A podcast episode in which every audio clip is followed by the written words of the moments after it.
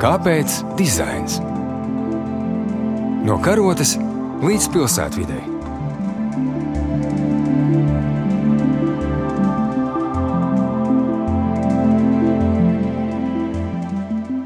Labdien! Studijā klasika Ilza Martinsone, Latvijas arhitektūras muzeja vadītāja un raidījuma viesis šodien ir arhitekts Andris Sīlis. Labdien! Mana ideja bija šodien parunāt par mākslu un arhitektūru, par ko nemaz tik reti netiek runāts, bet par konkrētu lietu. Nerunāt par mākslu pilsētvidē un nerunāt par tādu mākslu, kur īpašnieks piekar gleznas pie sienas pats, izrotājot interjeru. Es gribētu runāt par tādu mākslu, kuru arhitekts jau pats pēc sava projekta jau iestrādā projektā. Tā kā esmu vēsturnieks, nevar atturēties no vēstures komentāru ir pazīstami projekti. Piemēram, vēsturiski kulmeņa laikos bija tādi lieli paraugu projekti. Nu, pat ir restaurēta Siguldas pilsēta un darīta pieejama visiem interesantiem kur tika taisīts ne tikai interjers, bet arī dārzs ar milzīgu māksliniecisku klātbūtni. Tur visu veidu mākslinieki varēja izstrādāties, kas bija tāds režīma paraugu projekts. Tur vāca ziedojumus un bija milzīga publicitāte. Tagad mēs to varam redzēt, tāds unikāls objekts no tiem daudzajiem, ko toreiz taisīja. Bet tāpat laikā ir nepareizs priekšstats radies par padomju laikiem, pēckara laika objektiem, kas tiek uzskatīti, ka tas tāds pēckara modernisms bija bezdvēselīgs, bet ir zuduši tie mākslas priekšmeti, mākslas objekti, kas tika integrēti šajos pēckara laika objektos, un kur bija ļoti daudz. Mums varbūt ir palikuši kādi nedaudz panno, saglabājušies, un varbūt vēl kāda vitrāža, bet pamazām, pamazām arī tas iet bojā.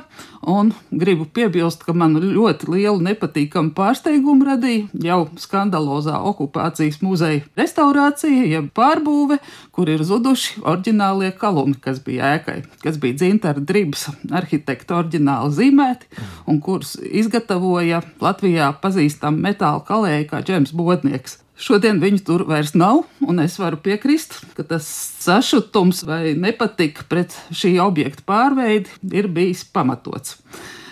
Bet es gribu prasīt Andim Sīlim, šodien mēs dzīvojam pilnīgi citā situācijā. Mums vairs nav padomi lielie pasūtītāji valsts un kombinēts māksla, kas kādreiz realizēja šādus projektus. Vai vispār šāda virsvērtība arhitektūrā ir vajadzīga? 20. gadsimta sākumā fasādes izrotāja ar plastiskiem rotājumiem, ko mēs šodien vairs nedaram, jo mākslas klātbūtne tā ir virsvērtība un tā prasa atbilstošs resursus. Ir jāpierunā klients, lai viņš tur iegulda savu naudu savu privāto kapitālu. Kāpēc tas ir vajadzīgs? Es zinu, ka tu esi viens no konsekventākajiem šādu ideju virzītājiem no laika gala. Varbūt kaut kā vēsturiski sanāca tā, ka es diezgan kaut kādā laimīgā kārtā esmu saskāries ar klientiem, kas uh, grib kaut ko vairāk nekā vienkāršu kontrolētu telpu, kas ir norobežota ar kādām siltumizolācijas uh, pakām, kas grib kaut ko vairāk. Un, attiecīgi, gan vēsturiski, gan arī es neesmu sajūtis vispār tādu problēmu šī sakarā. Protams, ka tas prasa līdzekļus, bet nu, vairāk vai mazāk sakarīgs pasūtītājs grib sasniegt kaut kādu pilnību pilnību nu, var sasniegt dažādos veidos. Un viens no, no arhitektūras viedokļa izdevīgākajiem veidiem ir pieaicināt arī mākslinieku. Pirmkārt, radās kaut kāda sinerģija, otrkārt, radās individuālāks, speciālāks, emocionālāks gala produkts. Un tas ir darīts eh, daudzos objektos, un pārsvarā ir sanācis labi. Nav tā, ka man tur kaut kas jāpierunā. Jo diezgan bieži, piemēram, kāds objekts ir nepieciešams ar reprezentatīvu funkciju. Un tad, ja tas klients nav gluži nezinu, mucā audzis, viņš jau kaut ko ir redzējis, kā tas pasaulē vismaz vēsturiski kādreiz ir darīts. Mēs ātri vienojamies, ka jā, tas ir labs veids, laba investīcija, un tā telpa un arhitektūra tikai iegūs no tā. Tev ir vēlēšanās visiem saviem objektiem kaut ko pielikt māksliniecisku, ja tomēr ne, ja ir tāda, kur tev liekas, ka to nevajag. Mākslinieciski, nu, tas tāds dīvainais vārds, mākslinieciski. Nu, atkarībā no katra projekta tā situācija mainās. Ir reizēm nepieciešamība vienkārši lietot, es pat nezinu, dekoratīvu lietišķo mākslu, sauksim to tā. Vairāk tā kā tādu papildus pievienoto vērtību, kas padara objektu intīmāku, smalkāku, vairāk ar kādām detaļām. Nu, diezgan reti tagad ir tāds uzdevums, kā panākt kaut ko Angliski to sauc par fine arts, ja, kur arhitektūra arī pieder pie viena no fine arts nozarēm un, un pat par sevi jau paredz, zinām, nezinu, māksliniecisku izteiksmīgumu. Bet tajā noscītī dekoratīvajā vai dizaina jomā man ļoti bieži sanāca gan to realizēt, gan arī ātri ar pasūtītāju vienoties, ka bez tā tas darbs nebūs pilnīgs.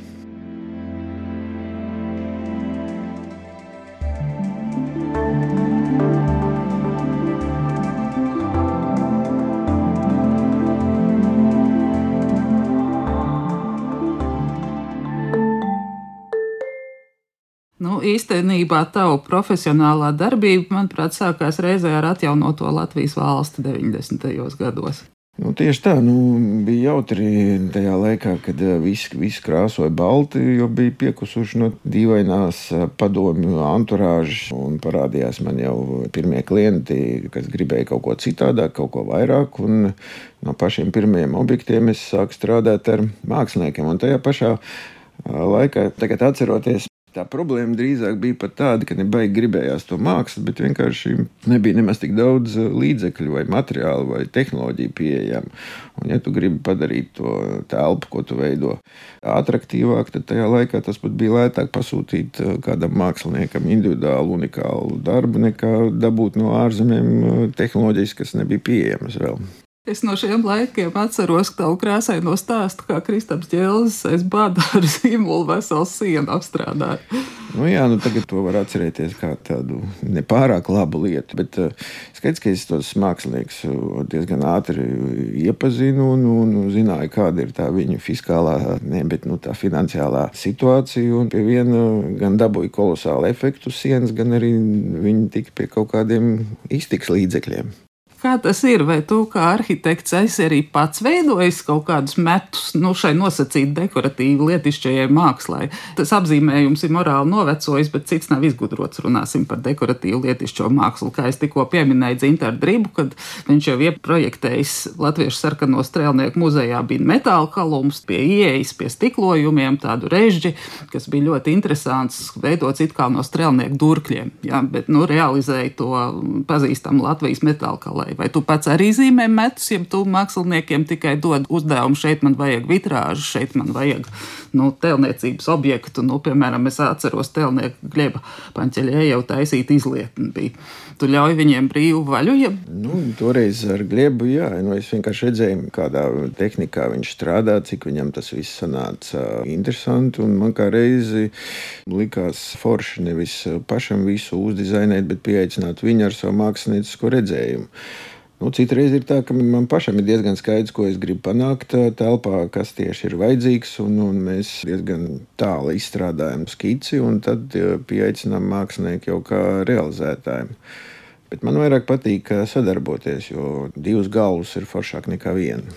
À tad tā ir tāda savstarpēja sinerģija. Tomēr. Nu, protams, jo mākslinieks ir radošs persona un nu, viņš ir kompetentāks savā jomā. Un, un tas pat ir interesanti, ja viņš tā aizdegās ar to ideju. Tad arī tas radošais viņam gan ego, gan ambīcija, gan arī varēšana ir jāizmanto.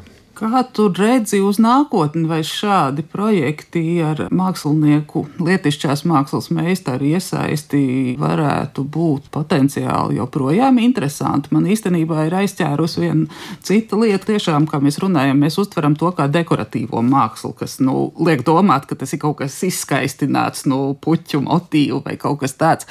Bet es esmu redzējusi Skandināvijā, teiksim, Somijā, kur top laikmetīgā koka arhitektūra, ka viņi pasūta pilnīgi vienkāršas lietas, bet ar rokām taisīts keramikas izlietnes vai keramikas flīzes. Un tas roku darbs piedod nu, to sajūtu, to feelingu, ka tas nav vienkārši kaut kas. Nu, es esmu realizējis kopā ar Dainu Punduru vairākus kamīnus. Vienā gadījumā klients gribēja, lai tur parādās tiksim, sīžets un kaut kas saprotams, formāli nolasāms. Un tad mēs uztaisījām to kamīnu ala kaut kādu no šāmota, ar Eģiptes motīviem, kaut kādu improvizāciju.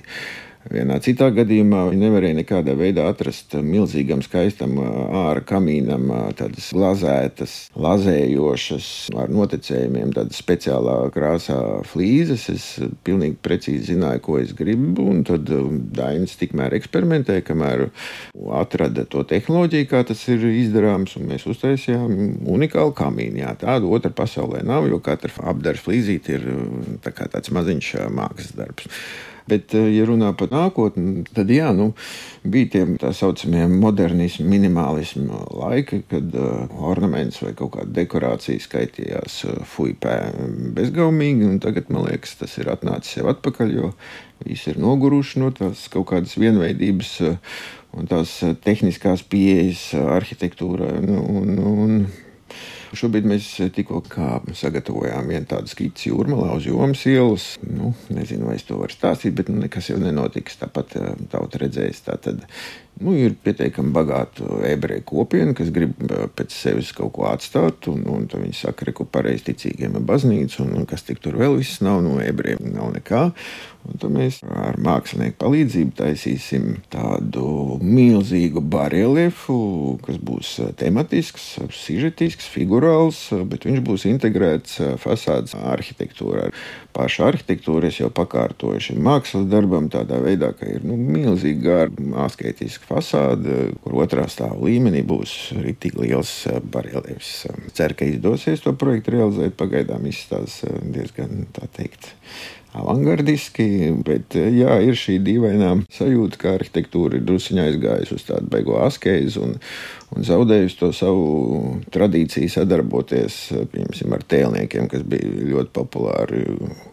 Gan pagājušā gadsimta sākumā, gan arī vēsturiski tas vienmēr ir bijis sadarbības starp arhitektu un, un tieši mākslinieku. Un šeit vajag nošķirt vienu lietu, tas, ko tu saki, kaut ko taisa ar rokām. Nu, tā jau drīzāk ir tāda amatniecība.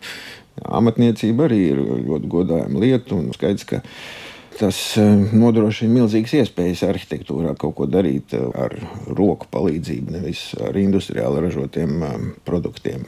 Bet nu, jā, tā mākslinieckā puse vēl teiksim, nav baigi populāra, bet es domāju, ka paliek ar katru gadu ar vien lielāka šī tendence tomēr arhitektūrai meklēt savus vēsturiskās sadarbības iespējas ar dažādu veidu mākslām.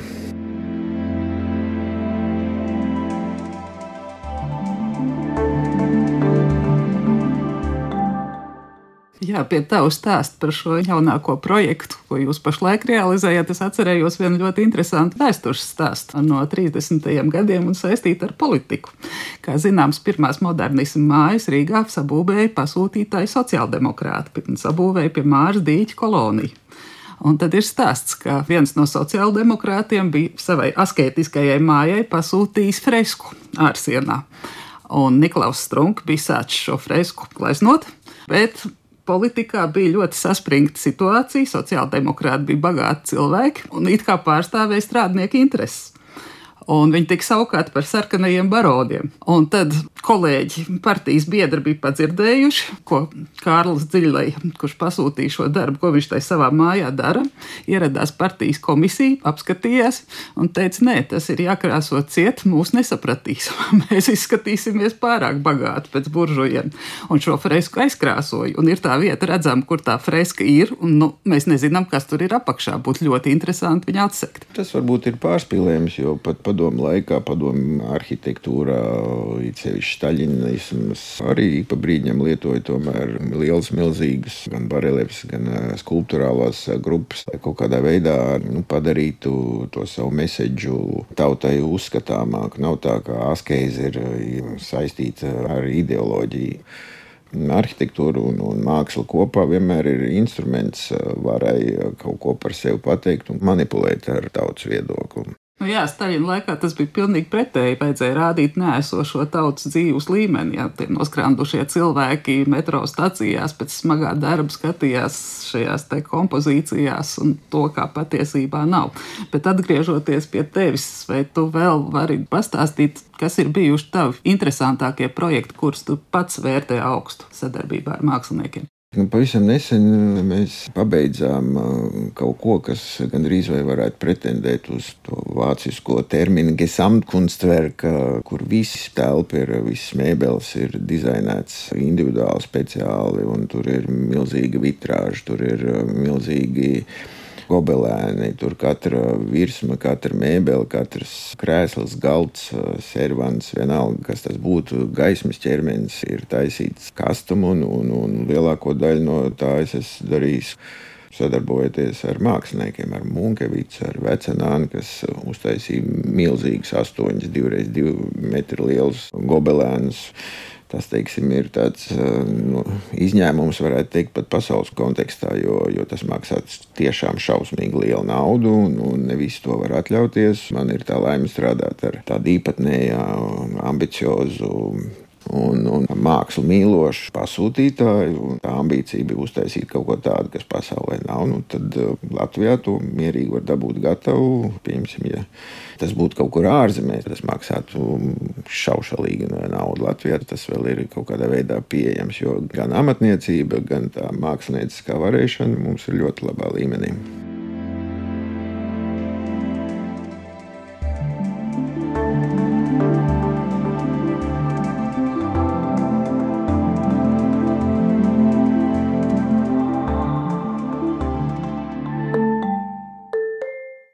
Tas atkal rosina uz domu, vai nevajadzētu meklēt jau, jau saulaicīgi arhitektiem kaut kādu saikni ar jaunajiem topošajiem speciālistiem. Mums ir Rīgas dizaina un mākslas vidusskola, kas joprojām producē nu, stikla māksliniekus, un man liekas, ka viņi īsti neredz to nākotnes perspektīvu, un varbūt sadarbība ar arhitektiem tā varētu būt. Vai tu esi gatavs, ja tev nāk kāds students ar savu mācību darbu, veltīt tam laiku un dot viņam uzdevumu? Nu, kāpēc ne? Tur gan ir uh, viena lieta jāņem vērā. Nu, labi, students var um, izšaut no sevis kādu ģeniālu radošu ideju, bet uh, es jau esmu praktizējošs arhitekts, un man to visu vajag dabūt uh, gatavu. Un, un tajā manas iepriekš aprakstītajā projektā Anna Munkevics ar savu AM studio, kas ir ļoti liela profesionāla kompānija, kas māk rīkoties ar stiklu, kas zina visu par stiklu jau, jau 20 gadus. Man ir droši drošāk sadarboties nevis ar studentiem, bet ar kādu pieredzējošu, jo, jo tas viss ir smags, tas viss ir liels, tas viss ir nekontrolējams. Tur vajag pieredzi un intuīciju, kā tas viss darbosies. Jo mēs esam uztaisījuši tur ne tikai vitrāžu, bet arī kamīniem ir milzīgas stikla lietas, stikla ļoti reliefs, plaknes, izgaismots. Ir bārs uztaisīts, milzīgi garš, viss stiklā un, piemēram, gaismas ķermeņi. Visi, jo tā telpa ir tik liela, ka tur nekas gandrīz arī nopērkams, ko pasaulē ražo šo nederēja. Viss bija pa sīku, pa mazu, un, un tajā brīdī, kad tu stikla lusturu veidot, tev ir jābūt uh, zināšanai, lai tas viss nenogāžās, lai tas viss turās, tas viss ir funkcionāls. Tā kā ar studentiem, uh, jā, forši uh, papriecāties par idejām, bet ko tālāk, nu, man jau beigās ir jāiet pie tā klienta un jāsaka, reku ir cilvēks, kas pat tik un tik naudiņām to ir gatavs izdarīt, un ka tur viss būs kārtībā. Jā, atgādinām, ka pašlaik Andai Munkevicē ir skatām liela nozīmīga personāla izstāde. Anda tiešām ir vienīgā Latvijā, kas ir šādu stikla uzņēmumu izveidojusi. Un saku paldies Antim Sīlim. Paldies, jā, visu labu. Studijā bija Ilze Martinsone. Raidījums ir tapis ar Valsts kultūra kapitāla fonda atbalstu.